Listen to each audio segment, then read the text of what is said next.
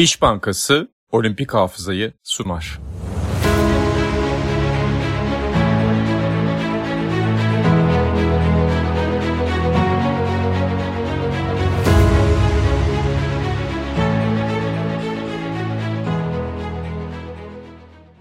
Olimpik Hafıza'ya hoş geldiniz. Türkiye İş Bankası işbirliğiyle hazırladığımız ve olimpiyat tarihine ışık tutmaya çalıştığımız bu program serimizde yeni bir bölümle daha sizlerle karşı karşıyayız. Ben Canereler, bugün konuğum İlan Özgen'le beraber e, sizlere eşlik edeceğiz. İlan hoş geldin. Selamlar abi, hoş buldum.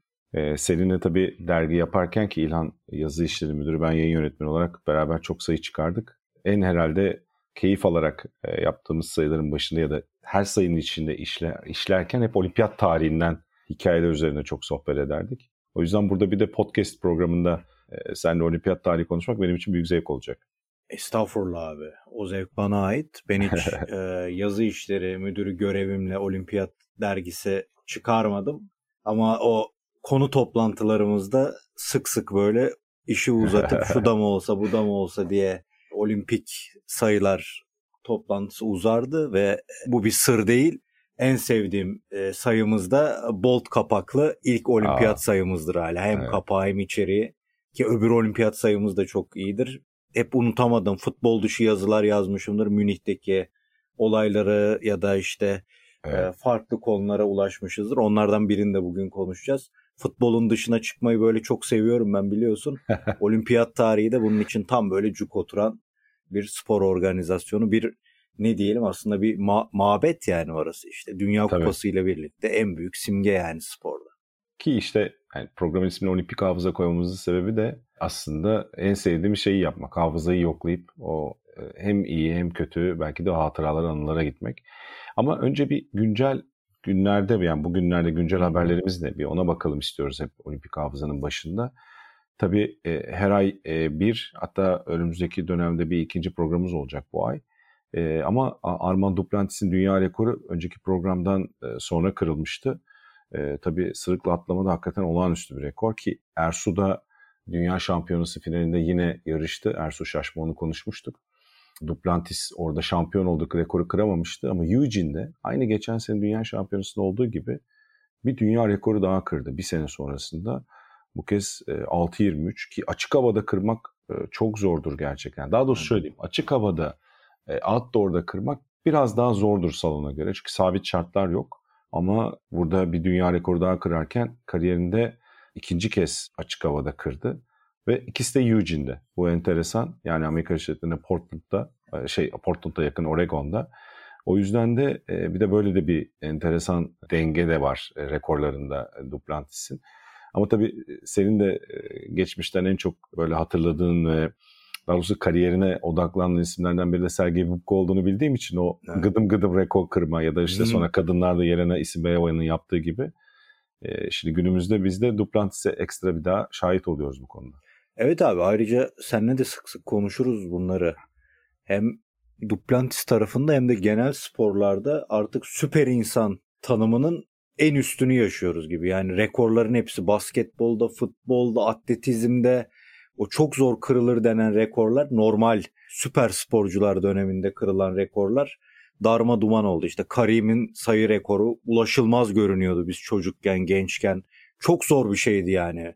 O zamanın yıldızları için bile. O kırıldı. Futbolda işte Messi, Ronaldo gibi geçen FC'de de konuştuk. Yani onların yaptığı şeyi yapmak çok zor olacak ilerleyen nesil için.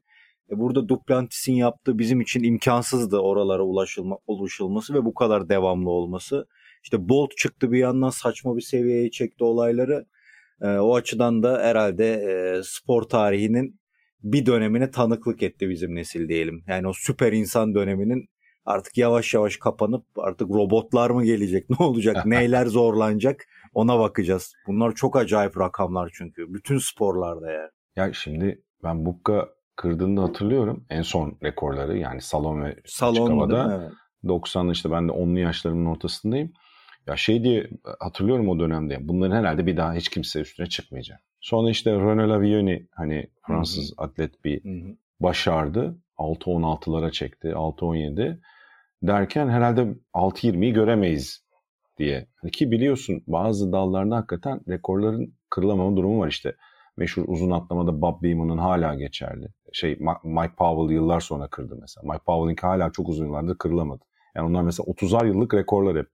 Hani böyle bayağı bir yıl geçmesi gereken rekorlar oluyor. İşte kadınlar yüksek atlama biliyorsun 80'lerden kalan e, bir rekor. 2.09 hala geçilemiyor. İşte Sotomayor 2.45 böyle bir öyle bir bariyer ki onlar duvar gibi kaldı orada yani. Hep bir santim e, yakınına geliniyor kırılamıyor. Ama Duplantis hani bırak bir santim 6.20'lerin üzerine çıktı. Yani e, çok acayip bir şey gerçekten yaptı. O yüzden hayranlıkla izliyoruz. O süper kahraman tanımına çok uyuyor gerçekten dediğin gibi. Marvel karakteri gibi şu an. Zaten atizmin hani genelde taşıyıcı yıldızları kimlerdir biliyorsun. 100 metreciler, bazı işte orta mesafeciler. Hani genelde onlar daha taşıyıcılardır.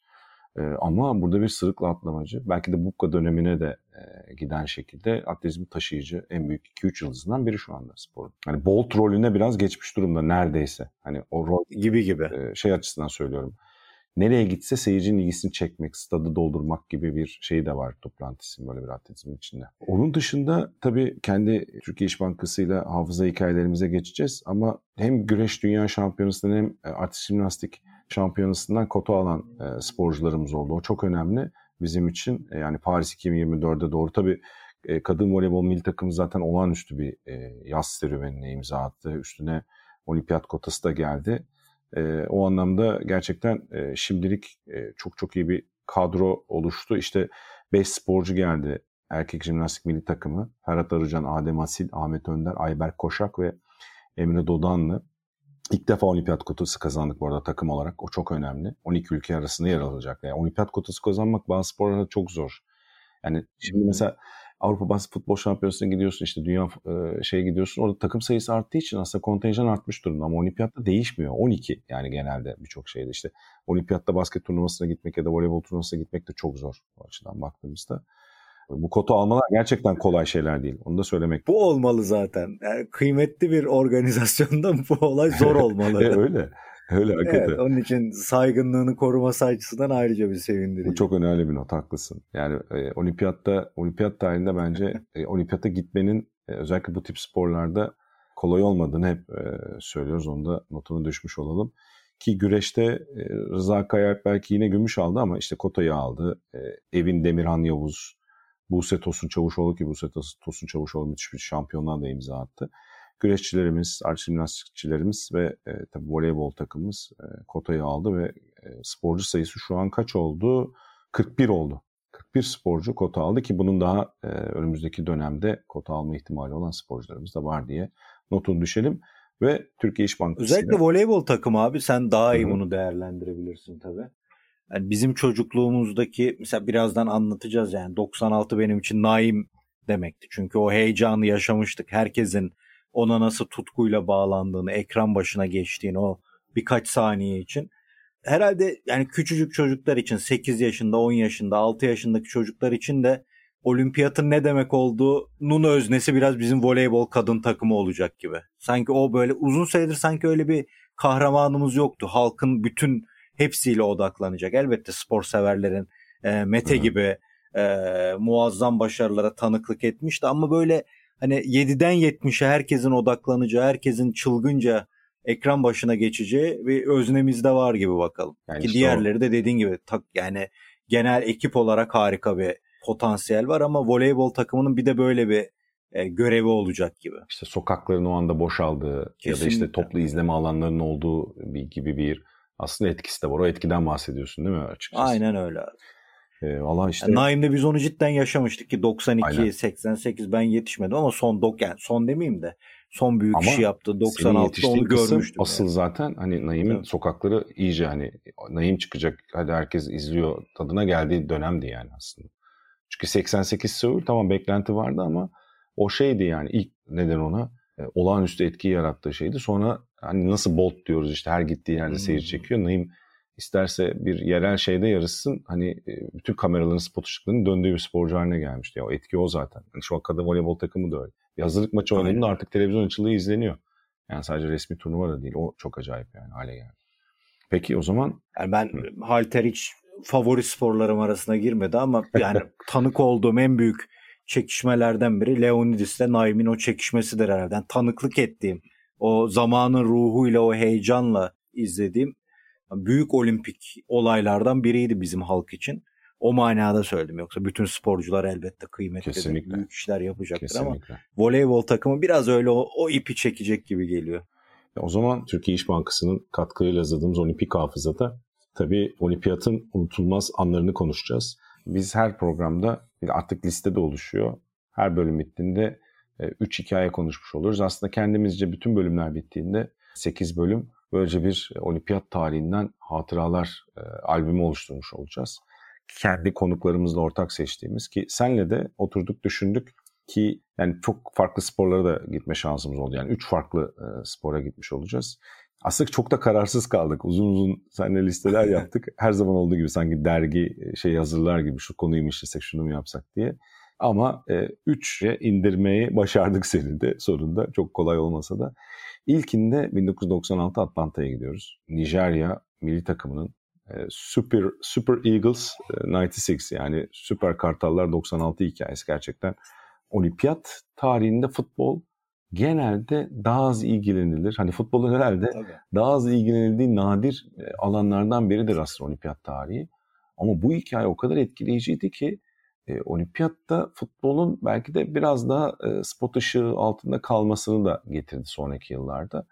O dönemden, o takımın etkisinden e, işte birçok oyuncuyu sayabiliriz. Bir de acayip bir final oynanmıştı meşhur. E, Arjantin finali. Oradan o kadar çok oyuncu çıktı ki ki bazıları Türkiye'de de oynadı. İşte Daniel Amokachi mesela bir örnek. Nijerya milli takımından. O yüzden nasıl hatırlıyorsun? Nedir etkisi? Olimpiyat tarihinde neden biz hafızamızda buna yer veriyoruz hafıza hikayelerimizde? Yani sen kibar söyledin ben bir e, futbol sever olarak şunu söyleyeyim. Bence gereksiz olimpiyatta futbol olması bu kadar netim. Hiç gerek yok. Ama bu herhalde yani var işte tarihte mesela Polonya'nın ortaya çıkışı var 72'de. Sonra 74'te büyük iş yapıyorlar. Ee, böyle böyle takımlar görürsünüz belki ama 96 Nijerya bir 94'teki o, o Baggio'ya takılıp elenmelerinin biraz mazlum hikayesi vardı. İki hatırlıyorsun 90'larda artık insanlar bir Afrika takımının bunda Kamerun'un etkisi büyüktü. Bir Afrika takımının artık Dünya Kupası alabileceğini hayal etmeye başlamışlardı. Ee, ve Nijerya sanki insanların o umudunu daha da yeşertti. Daha da umut verdi.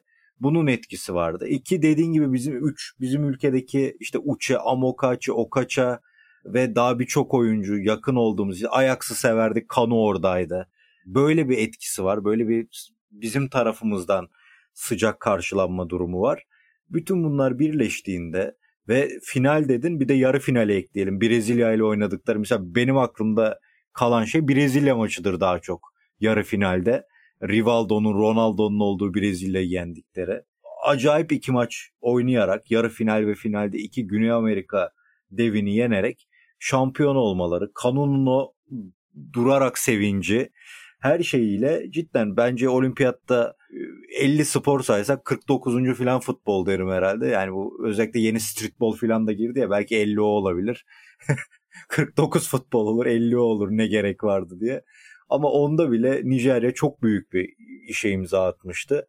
96 benim net hatırladığım ve belki de en böyle heyecanla çılgınca takip ettiğim kardeşimle birlikte olimpiyattır böyle notlar alarak her özeti her görüntüyü izleyerek e, o açıdan 96 Nijerya'nın yeri bende ayrıdır. Diğer olimpiyat şampiyon futbol takımlarını konuşsak büyük ihtimal hiçbirini hatırlamıyorumdur doğru düzgün. Ama bu Nijerya'nın bizim nesilde etkisi büyüktür. Sen de hatırlarsın ki. Öyle bir de yani şimdi senin de dediğin gibi ben mesela bir tek Amokachi'yi saydım. Ama o takımlardan hani e, dediğin gibi 23 yaş üstü 3 oyuncuya izin veriliyor e, olimpiyat evet. takımlarında. E, onlardan biri işte Uçe'ydi. Yani Okacha'nın o takımda olması. Bir de o takımda hakikaten o kadar fazla e, oyuncu çıktı ki işte Kanu'dan bahsettin. Kanu hakikaten o kadar zarif bir e, forvetti ki izlemesi olağanüstü. İşte Baba Yaro vardı. E, müthiş Hı. bir bek. İşte Amunike vardı. Ikpeba vardı. Bunlar sonra 98 Dünya Kupası'nda bu Nijerya hani acaba ilk Afrika'ya bir yarı final final getirir mi derken Aynen. e, hatırlayacaksın çok da aslında etkileyici bir turnuva başlangıcı yapmışlardı. Bir de şeyi de düşünüyorum 90'larda hani Afrika futbolunun tamamen yükselişi var. Bir de çok iyi turnuvaların arasına da denk geliyor aslında. Belki 94 Dünya Kupası aşırı iyi hatırlanmaz ama Brezilya'nın tekrar kendine gelişi. İşte 92 Euro. Aynı yıl Euro 96 var ve çok iyi bir turnuva ki Türkiye milli takımı da hani gitmişti. Çok e, tarihinde e, özel bir sayfa. E, 98 Dünya Kupası olağanüstü bir kupaydı. Yani hı hı. hikayesiyle. Onların arasında 90'larda o albümde özel bir yere sahip olmasında senin de dediğin gibi hem Nijerya'nın hikayesi var hem Nijerya'nın hem Brezilya'yı hem de Arjantin'i yenmesi. Yani öyle bir hikaye yazıyorlar ki.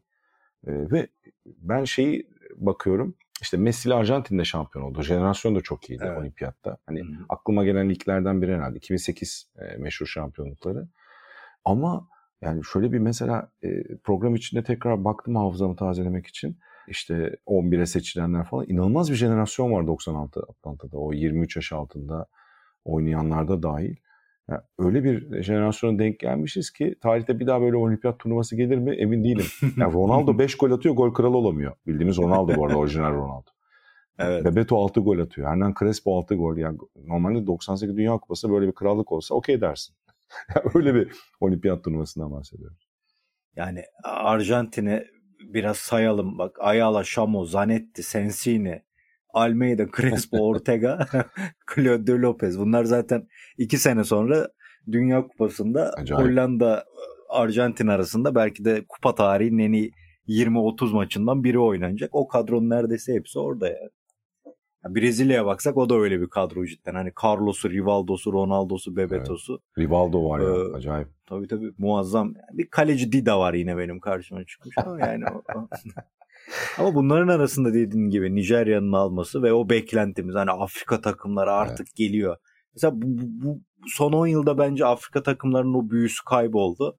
Evet, Herhalde Nijerya onu o bayrağı en göndere çeken takımdı ya Nijerya ve sonra da fil dişi biraz çıktı ama o Nijerya etkisini bir türlü yaratamadılar. De, ya da Gana. Hani olimpiyatın öyle bir özelliği vardır ya e, sesini ya da kendini gösteremeyen e, ülkelerin bir anda aslında kendini gösterebilme alanı bulduğu, mecra bulduğu yer.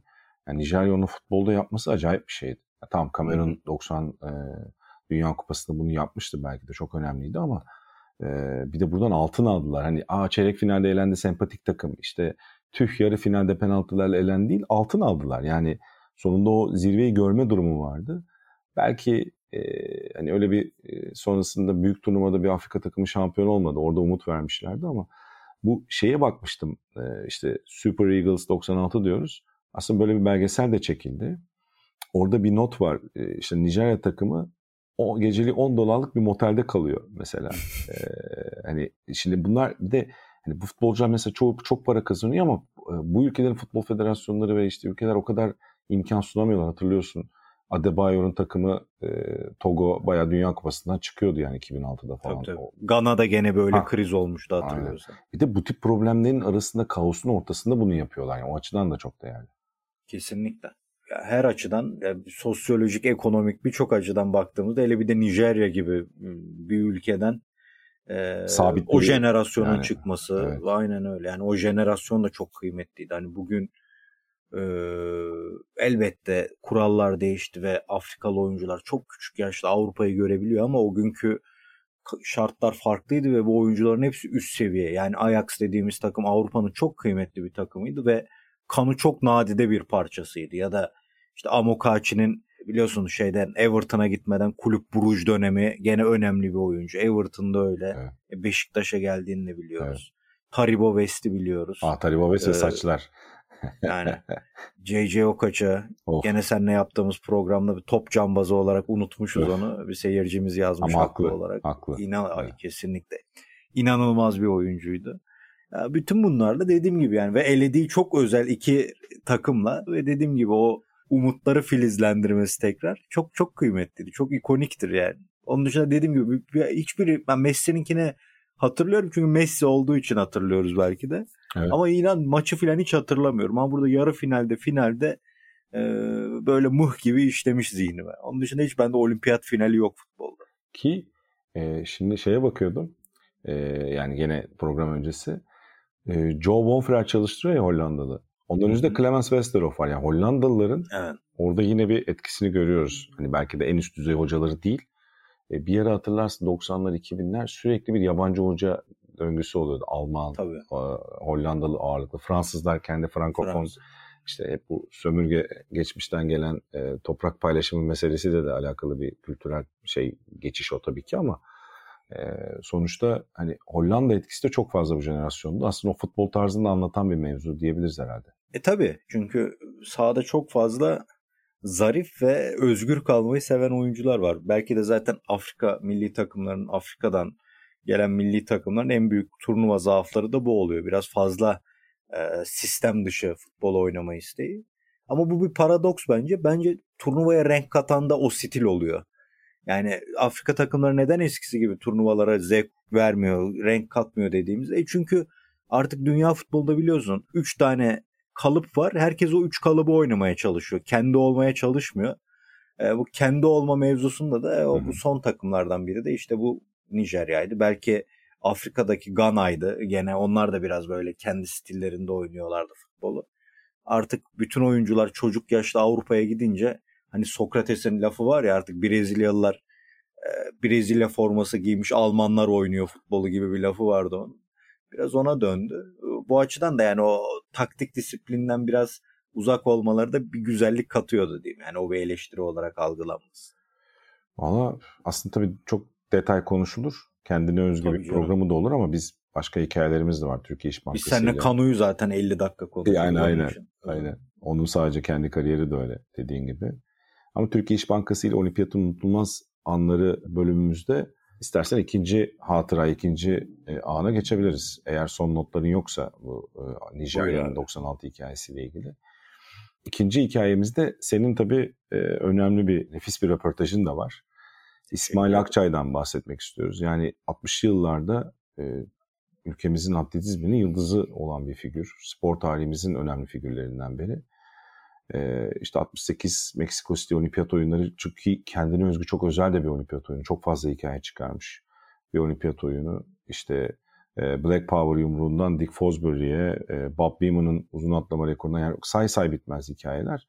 Ki öncesi sonrasıyla da öyle. Onun içerisinde Türkiye'nin İsmail Akçay'la elde ettiği tabii maraton dördüncülüğü gerçekten spor tarihimizin belki madalya değil ama madalya kıymetinde bir e, başarısı olduğunu söylemek lazım.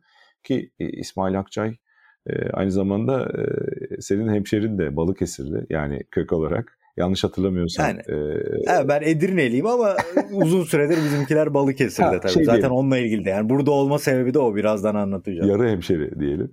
Tabii tabii. Detayları aynen. sana Kaç, bırakacağım zaten. oldu. 96 oldu işte. 96'dan beri orada bizimkiler. Ya işte o dönem Balkan oyunları önemli. Mesela orada e, maraton birincisi tabii, oluyor. Tabii. İşte Akdeniz oyunlarında Balkan şampiyonasında ikincilikleri var maratonda. O dönem yani Tokyo Maratonu hala çok önemli. Dördüncü oluyor. Yani bu tip e, o dönemin önemli ki Balkan şampiyonası şimdi artık kalmadı ama o dönem gerçekten çok önemli. Hani e, ne kadar önemli ülkelerin olduğunu biliyoruz. Üstüne bir de olimpiyat oyunlarında bir dördüncülük elde ediyor. 68 Meksiko City diyeyim ve buradan sözü sana atayım ki kendisiyle röportajını da yaptın. Nefis de bir e, bizim için çok da gurur kaynağı işlerden bir tanesi Sokrates tarihinde. E, kesinlikle abi. Ben de neler söylersin? Abi Balıkesir'e tayinimiz çıkıp Balıkesir'e gittiğimizde Bahçeli Evler mahallesinde bir ev tutmuştu babam. Bahçeli Evler mahallesi şimdi çok genişledi tabii şehirde. O zaman işte şehrin sonuna yakın bir yerde.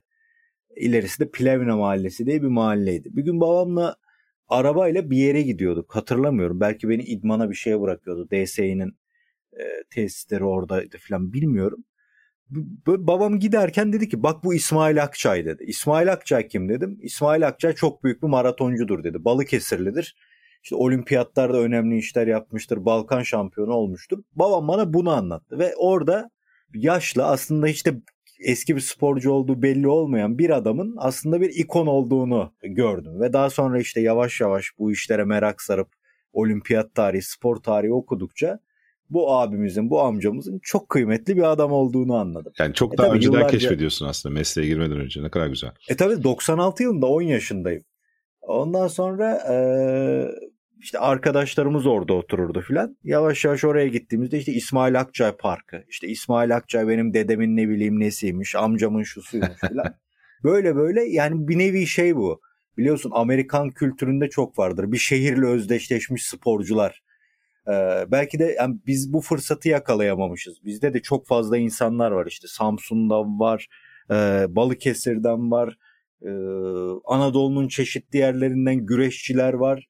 Belki bu bunları hikayeleştirip doğru simgeleri kullanamamışız. Yani İsmail Akçay da bu şehir için böyle bir adam. Ee, daha sonra da Sokrates'te olimpiyat ilk sayımızda tabii ki benim önerdiğim ilk konu olmuştu. İsmail Akçay'la bir röportaj yapmak isterim diye. Ve muhtemelen babamın bana e, onu tanıttığı bak bu İsmail Akçay eski maratoncu çok büyük bir e, sporcuydu dediği yerlere yakın bir yerde e, adına yapılan büyük bir parkta kendisiyle röportaj yapmıştım. E, ve o röportajda da işte o yıldız oluşunu e, nasıl bir e, tutkuyla koşmaya e, çalıştığını her şeyi anlatmıştı. E, biliyorsun bu iş bir e, tırnak içinde delilik e, özellikle maraton yani çok akıl kârı bir sabat meselesi değil. Öyle öyle. Kendine özgü ayrı bir zorluk dünyası var maratonun. Yani. Kesinlikle. Yani biz de işte Veli Ballı olsun, e, Mehmet Yurda Dön olsun, o uzun mesafe koşucu abilerimiz de farklı alanlarda konuştuğumuzda evet. onlar da zorluğundan farklı bir motivasyon e, durumundan bahseder. E, orada da beni çok etkileyen şeylerden biri İsmail Akçay'ın bu durumuydu ve sen de biliyorsun ki o dönemlerde bizim en büyük aslında altyapımız ordu. O da ordu e, menşeli bir evet. e, sporcu yani bir asker ve oradan e, kendine branş seçip devam ediyor. Bir de ordular arası şampiyonlar da o zaman önemli, Kesinlikle. popüler biliyorsun yani. Ordu milli takım falan da yani önemli oluyor. Aynen öyle. O yüzden o bir disiplini ee, ve spor kültürünü oradan almak çok mümkün oluyormuş o dönemde. Büyük ihtimalle şeyden kaynaklı abi onu babamla da sık konuşuruz. Herhalde yurt dışına çıkıp bir şeyler evet, alabilme, evet. bir şeyler getirebilme, idman modelleri görebilme Aynen. şansı olan birkaç iş kolundan birisi askerlik. Kesinlikle, kesinlikle. Herhalde o yüzden de çok fazla asker e, görüp bunu ülkeye getirerek Tabii. Biliyorsun Cengiz Göllü de öyledir yani ülke voleybolundaki çok önemli insanlardan e çünkü nasıl biri. gideceksin ki ya o dönem şimdiki gibi hadi Kesinlikle. uçağa atla gidiyorsun gibi değil. Dediğin gibi öyle bir sistemin içinde olmak daha nasıl desem imkan yaratabiliyor.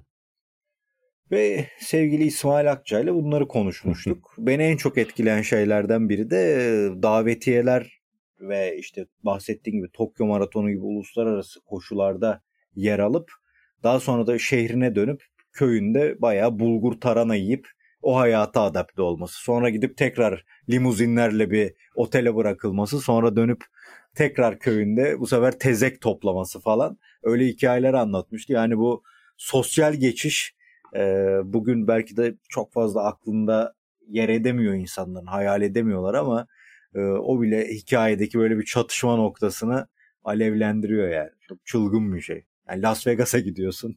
Kral gibi bir otelde kalıp sonra Balıkesir'in köyüne dönüyorsun. İlginç bir yaşam. Ya e, senin yaptığın röportajdan bizim dergiden ufak bir iki alıntı da yapmak isterim bu arada.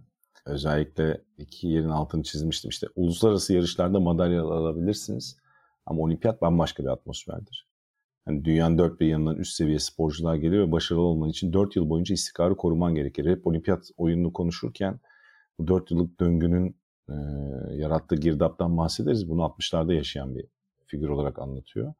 Bir de şeyi söyledi. Şu bölüm çok güzel.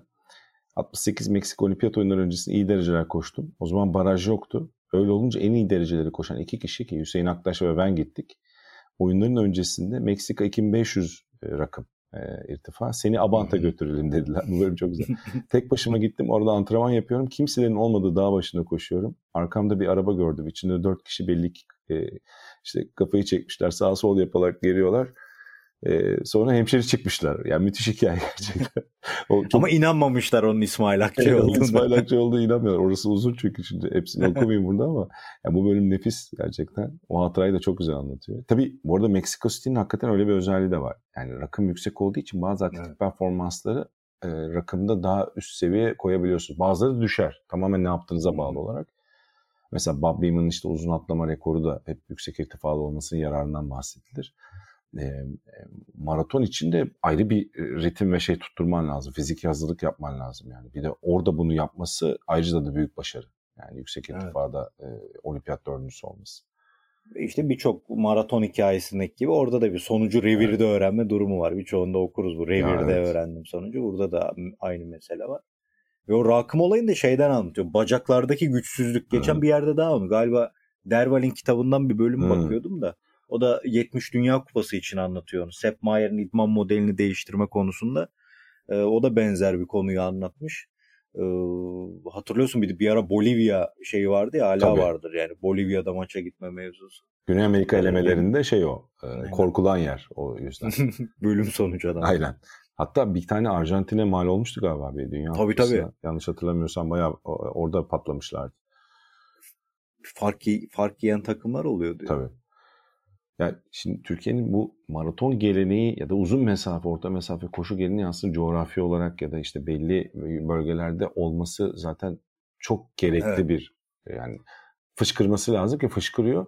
O yolu bulduklarında da gerçekten e, o yetenekleri e, uluslararası arada zaten büyük başarı ettiğini biliyoruz tarihte. İsmail Akçay da e, onların en önemlilerinden biri, öncülerinden biri de diyebiliriz herhalde. E, bu bölümle ilgili son notlarım var mı? Yoksa üçüncü hikayemize Dediğin çok doğru. O coğrafi olarak aslında bir dönem kullanılmış. İşte Veli Ballı gibi. Onlar da Vartolu olması lazım. İşte doğu, doğudan evet. çok fazla sporcu var öyle. E, aslında onu kullanmış gibiyiz. Potansiyeli bir üstüne gitmiş gibiyiz ama sonra e, çok fazla bir şey çıkmamış bu dalda. Ama dediğin gibi 70'lere baktığımızda özellikle 60 ve 70'lere uzun mesafe ve maratonda epey bir böyle bir halk kahramanı olacak sporcu var. Ki 80'lerde işte Mehmetler var. Hani Mehmet Terzi. Mehmet Terzi, Mehmet Yurdadön. Belki hani maraton olması da hepsi. O koşu geleneği aslında var hep Türkiye'de. Ee, gerçekten atletizm geleneği. Ee, o açıdan da hep İsmail Akçay'a aslında dönüp bakmak lazım. Hani Türkiye'nin nereden geldiğine dair. Hani e, geleceğe ışık tutabilecek hikayeler, e, ilham kaynağı olabilecek hikayelerin başına geliyor gerçekten. Bir de şey vardır röportajda park yapılırken bu da parkı gezmeye gitmiş.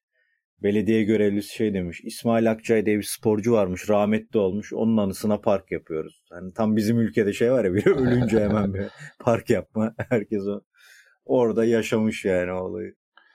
Peki o zaman e, Türkiye İş Bankası ile Olimpiyatın Unutulmaz Anları e, listesinde İlan Özgen'le seçtiklerimizde üçüncü e, hikayeye geliyoruz. Yani çok sevdiğimiz bir hikaye. İlanlarla da dergi masasında da oturup yani e, sohbet ettiğimiz ah ne adamdı falan ne hikayeydi falan dediğimiz. Bir de çünkü bir yandan böyle şimdi Atahan gibi girdim oluyor ama biraz FC bağlantısı olsun. Hikayenin her şeyini anlatıp hikayeyi anlatmama meselesi. Neyse de neyse, de bitir.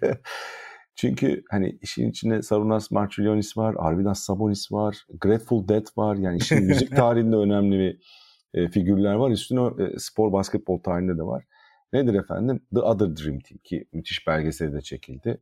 E, Litvanya basketbol milli takımının e, işte Sovyetler Birliği e, o dağıldıktan sonra yani bazı cumhuriyetler daha doğrusu eski içinde bulunan cumhuriyetler bağımsızlıklarını ilan ettikten sonraki en önemli belki de ilk büyük hikaye. Litvanya çünkü bir de Sovyetler Birliği'nin basketbol takımlarında çekirdek oyuncuları bulunduğunu özellikle işte 80'lerdeki meşhur e, takımın en önemli oyuncularının ağırlıkla Litvanyalı olduğunu hatırlatmakta yarar var. Tabii ki işin içinde Ruslar var, işte Letonyalılar var, e, başka Gürcüler var ama bir yandan da o Sovyetler Birliği'nin geniş coğrafyasında basketbolun kalbinin attığı yer Sovyetler Birliği döneminde bile Litvanya olduğunu söylemek lazım. Hani kadar Moskova'da da çok büyük takımlar ve işte Alexander Gomenski gibi bir koç olsa da e, basketbol tarihinin önemli koçlarından biri bir Rus koç.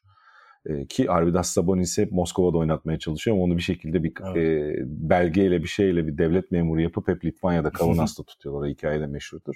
Derken e, ilk özgür olduklarında, bağımsız olduklarında tekrar, İkinci Dünya Savaşı öncesinde aslında Litvanya bağımsız ama Sovyetler Birliği'nin içinde e, oluyorlar e, sonrasında.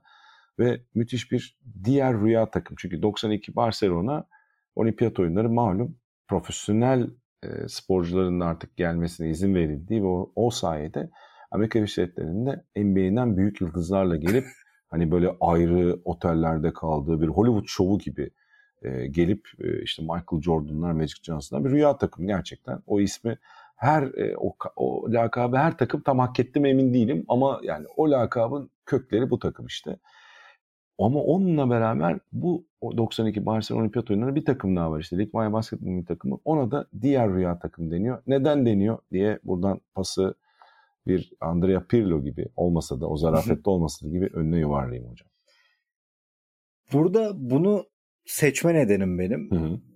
Tamamen belgeselin yarattığı etkiydi cidden. Çünkü yani bu belgeselde sportif taraf akarken e, diyorsun ki ya bunlar zaten sporla ilgili insanların ki yakında da seninle kararlaştırınca oturdum bir daha izledim. Hı hı. Hele zaten artık şeyiz. Bu belgeseli izlediğim spor sektöründe değildim ben. Gene de sportif tarafındaki birçok e, unsuru biliyordun işte. Sovyetler Litvanya gerginliği, e, Komitçus'tan, Kurtinyadis'ten e, dediğin gibi Litvanyalıların Sovyet basketboluna etkisi. Tamam geliyor. Tamam bu ülkenin dağıldığını da biliyoruz. Litvanya'daki o tarihi günü de biliyoruz az çok falan. Ama bir anda olay Grateful Dead'e bağlanıyor. Ya Ve benim için belgesel burada izlediğim ve beni yani belgeselleri ben iki türlü e, değerlendiriyorum. abi. Bir bana yeni bir şey öğreten hiç bilmediğim bir şey. İkincisi bilsem de bildiğim şeyi arşivlerle destekleyerek ağzımı açık bırakmayı başaran. Burada bildiğim şeyi de bana arşivlerle güzel bir şekilde aktarıyor ama bilmediğim bu Grateful Dead olayı galiba 2011 ya da 12'de izlemiştim ben belgesel. NTV vermişti hatta. Ee, çıldırmıştım ya. 30 for 30 kuşağına bağlı olarak vermişlerdi galiba. Orada bir belgesel bölümü vardı NTV Spor'un. Ee, Aynen. Ben Grateful Dead işin içine girdiği anda benim için ulan ne oluyor diye ayağa kalktım. Maç izler gibi heyecanlandım ki yıllar sonra 11 yıl sonra her şeyini bilsem de izlediğimde gene benim böyle tüylerimi diken diken eden o geçiş, o hikaye yani bir Hollywood senaryosu gibi yazsan abartılı değerlendirilebilecek bir senaryo ve gidip de e, daha sonra bronz madalya maçında bağımsız devletler topluluğu yani Sovyetler Birliği'nin artık nasıl diyelim kalan son parçasıyla oynayarak o çatışma e, o maçla sonlanıyor. E, muazzam bir hikaye ama dediğim gibi yani Grateful Dead'e girişi Jerry Garcia'nın ilanı görüşü Evet. e, ve basketbola ilgileri daha sonra NBA'deki e, Marshall Yanis'i kullanıp onlarla tanışmaları ve tişörtlere kadar giden mevzu muhteşem bir spor hikayesi. Yani bu spor hikayesi değil. Bu bir bu bir, bir, bir hikaye bu insan hikayesi. Beni izlediğimde en çok heyecanlandıran, en çok böyle tüylerimi diken diken eden belgesellerden birine dönüşüyor. Grateful Dead işin içine girdikten ve takımın ilk turnuvasında da e, ilk büyük olimpiyatında daha başarılı olmasıyla birlikte. Ya orada yani gerçekten hani şimdi internet çağı değil. İşte sosyal medya çağı değil. Aynen öyle. Ee, hani Grateful Dead'e bunun ulaşıp işte Bill Walton'un da tabii orada bir etkisi var onu da söyleyelim. Evet. Yani o da Büyük hayranıdır Grateful Dead'in. evet onun da tabii işte o Amerika'nın e, hippie kuşağından bir e, spor yıldızı olması işte meşhur 77 Portland Trail Blazers'ın NBA şampiyonluğunun e, baş mimarı olması yani oyuncu olarak. E, Ama bir yandan çok büyük bir entelektüel olması, işte bu dünyadaki olup bitenle ilgilenmesi, hani bazen dünyayı sadece Amerika'dan ibaret sanan sporcular oluyor ya. Bu son Tabii, dünya tabii. şampiyonası hikayesindeki gibi işte e, şeyin atletizm dünya şampiyonu olmak, NBA'in dünya şampiyonu olması takım neyse. Billy Walton öyle değil. Çok dışa açık birisi. O bağlantıyı kuranlardan da biri. İşte bizim Uğur Ozan da Uğur Ozan Sulan Sarunas Marçuryanis röportajında da o e, hani bölüm vardır ki Sarunas Marçuryanis sen de bahsettin işte o takımın en önemli isimlerinden bir tanesi. Şimdi Golden oradan, State'de o ara. evet o ara işte en, tabii açıl şey de var. Neden ona? Bir e, demir perde ülkelerinin yıkılışı, işte duvarın yıkılışı, Sovyetler Birliği'nin Glasnost, Perestroika'yla Hı hı. e, birleştirici ve dışa açık politikalara gelmesi, Gorbaçov'un etkisi derken e, sınırların kalkmaya başlaması e, bir yanda o, o tam ondan önce artık NBA'ye gitme izni verilmeye başlıyor oyunculara. Ondan önce çünkü draft edilse de gitme izni verilmiyor. Evet. Gidenlerden ilk örneklerden biri de Marchurianis. Orada şey diyordu. E, şuradan o alıntıyı yap, yapmak istedim. Barcelona 1992'ye katılmak istiyorduk ama Litvanya'da federasyonun parası yoktu. Bilinen hikaye diyor işte o belgeselde anlatıldığı gibi. Donny Nelson'ın fikriydi diyor. Hadi size para toplayalım dedi. E, Donny Nelson da o zaman işte Golden State Warriors'ın e, koçu. Önce Great Don Nelson'ın oğlu. oğlu aynen. E, e, şey e, önce Grateful Dead'den Mickey Hart ve Jerry Garcia takıma 5000 dolarlık bağış yaptı. Sonra e, Grateful Dead konseptine uyacak şekilde potaya smaç vuran yeşil, kırmızı ve sarı renklerde bir kuru kafa tişört tasarlandı. Sabonis tişörtü ilk gördüğünde vay be Litvanya gerçekten özgür demişti. Sovyet eğitimi almış biri için epey renkliydi. Ama günün sonunda o satışlardan elde ettiğimiz gelirle Barcelona'ya gittik ve madalya aldık e, diyor. Yani o işte Phoenix şeyi de var orada. E, canlandırması da var. Yani küllerinden doğan e, bir basketbol takımı bir ülke olarak da sunuluyor Litvanya. O şey potaya smaç vuran kuru kafayla beraber. O tişörtler ya da o tasarım şu an Litvanya bir takımda hala kullanılıyor vardı. Öyle bir kültürel e, entegrasyon da oldu. Onu da söyleyelim. Yani Grateful Dead deseni şu an Litvanya milli takımının şeyi oldu. Basketbol takımının simgesi oldu. Acayip bir kültürel etkileşim o hakikaten. Muazzam Onun bir... de özel bir adı var o desenin. Unuttum bak. O desenin özel bir adı var. Evet. E, İngilizce'de tie-dye diyorlar da. Ah, e, tie, yaşa yaşa aynen. Tie-dye tie diyor da Türkçe aynen, çevirisi aynen. tam ne bilmiyorum valla. O şey o ta, yani evet. 70'lerdeki hippie kültürüne ait bir desen o. O sonra Grateful Dead'le özdeşleşiyor. Aynen. Evet. Yaşa abi aynen tie ya ben o... ve madalya törenine de onunla çıkıyorlar. Yani o iyice bir çılgınlık zaten. ya o da mesela işte yani şimdi Sovyetler Birliği'nin o sisteminde tabii ki övülecek şeyler var ama bir yandan da işte bazı yokluklar var. Ee, tabii. Marcellus orada şeyi anlatıyor yani adamların geldiği yer olarak söylüyorum. Bunlar çok büyük basketbolcular, muazzam sporcular. Yani Marcellus şu an oynasa dünyanın en büyük kartlarından biri olur şey. NBA'in yıldızı olur yani. Ki o zaman bile gidebiliyor yani. O zaman kapılar ya da eşik çok yüksek. Yani o duvarı aşmak çok zor NBA'ye gitme duvarını. Neyse e, şey diyor orada. Bir gün antrenman sonrasında soyunma odasına girdim. Baktım ki her yerde buz var. Chris Mullin de ayağını, Chris Mullin o zaman Golden State Warriors yıldızlarından. Ayağını buz kovasına daldırmış. Korktum Donnie'ye söyledim. E, Donnie biz buzu viskiye koyarız. Amerika'da tedavi için de kullanılabiliyor diyor. Hayatımda hiç o kadar buzu bir arada görmedim diyor Martinez. Buz çantası, buz kovası. Sonra anladım tedavi için bana buz veriyorlar onu anladım. Eğlence için değil diyor. Yani müthiş bir hikaye. Yani hani e, bence. Hani oradaki kültürel fark falan o dönem. Tabii, Şu tabii. an artık yani e, Litvanya'da herhangi bir yerde doğan bir çocuk artık o kültürel entegrasyona çok çabuk ulaşıyor. Halbuki o zaman için inanılmaz bir aslında geçiş. E, The Other Team'in anlattığı hikayenin temelinde bu da çok özel yani. O 90'ların Kesinlikle başı. abi. Zaten paralelde Valenciunas'ın da kariyerinin akması aslında bunu dediğini ha, evet. gösteriyor. Yani Doğru. eskiden bu işi geçmek imkansızdı. Artık gencecik bir çocuk tak diye orada yaz kamplarına Aynen. gidip Aynen. E, bütün kariyerini inşa edebiliyor. Bu mesaj aslında belgeselde vardı. Ama onun içindeki o hikaye yani dediğin gibi bu zorluklar da anlatılıyor. Büyük oyuncular zaten 88 Seul'den başlıyor her şey. Evet. Oradaki o dev maçtan başlıyor filan. Ee, ama yani ben o belgesele Grateful Dead hikayesinin girdiği an dediğim gibi yani 20 20'li yaşlarda da heyecanlanmışım. Hadi o zaman çok heyecanlanabilen biriydim. Şu an hiç heyecanlanan biri değilim ama gene tüylerim diken diken oldu. Sen bu konuları belirlediğimizde ben tatil ufak bir tatil yaptım. Bin yılda bir biliyorsun. bir tatile gittim. Orada bir gece izledim iPad'imden belgeseli. Ya darmadağın oldum gene. Muazzam bir hikaye. Bir de hani şey yaparız biz mesleki Aha. bir kıskançlık duyarız ya. Keşke ben yakalasaydım. Hakikaten öyle bir hikaye. Muhteşem bir hikaye. Hayır Litvanya bir de turnuvada yani diğer taraftan gelse bağımsız devletler topluluğuyla yarı finale denk gelecek.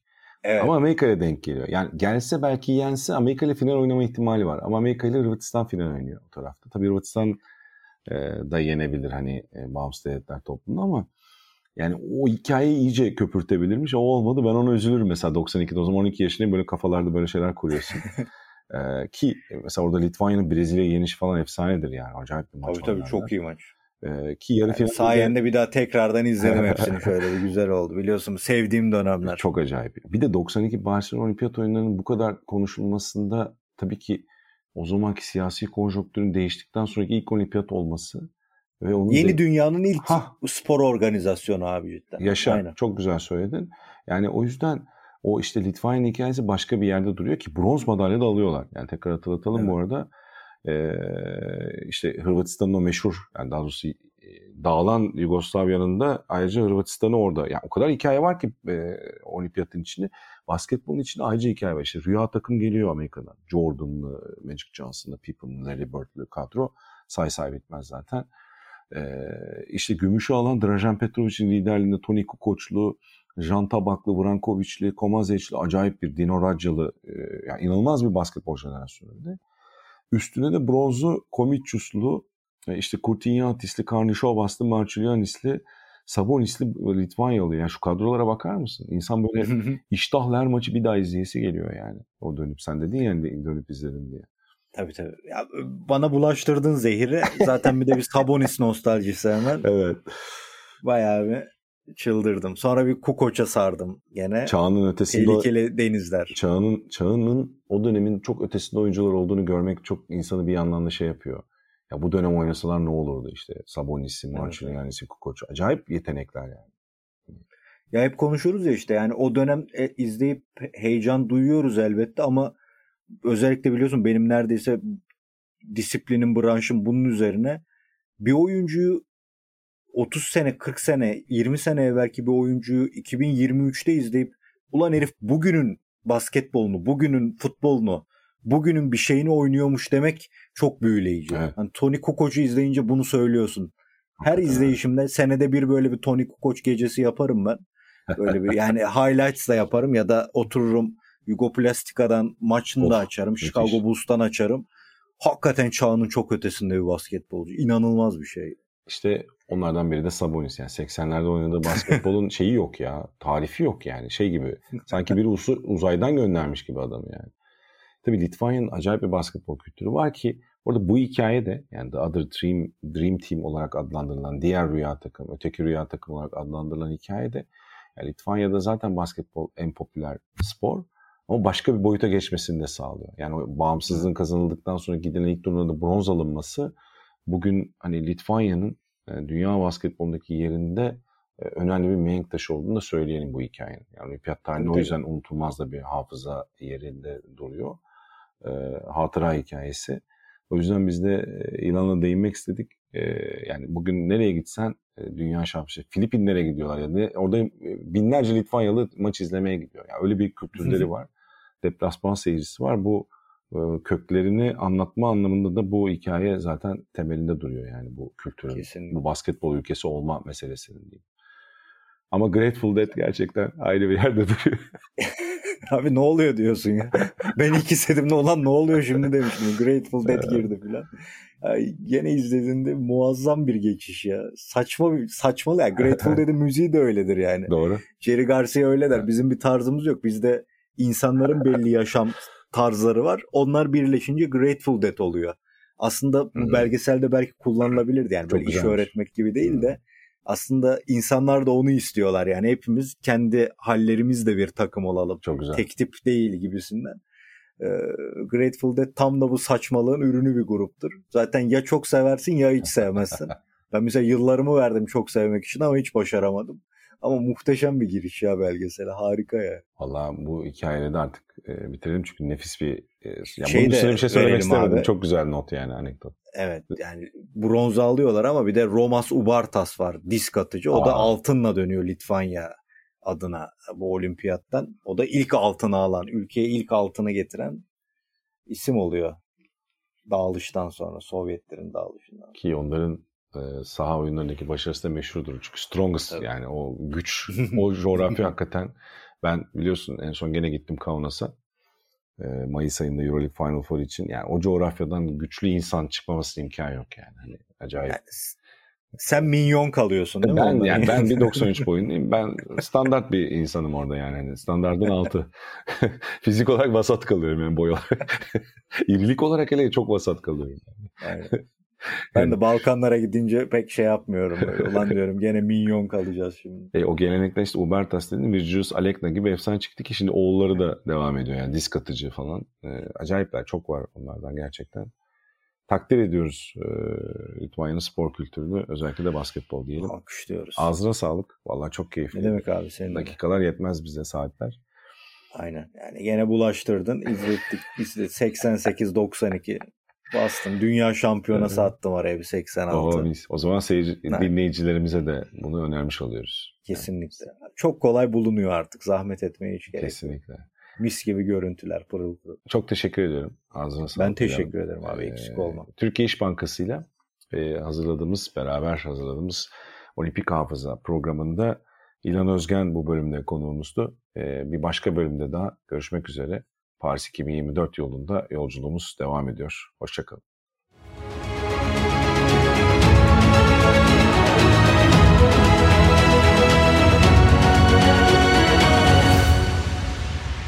İş Bankası Olimpik Hafıza'yı sundu.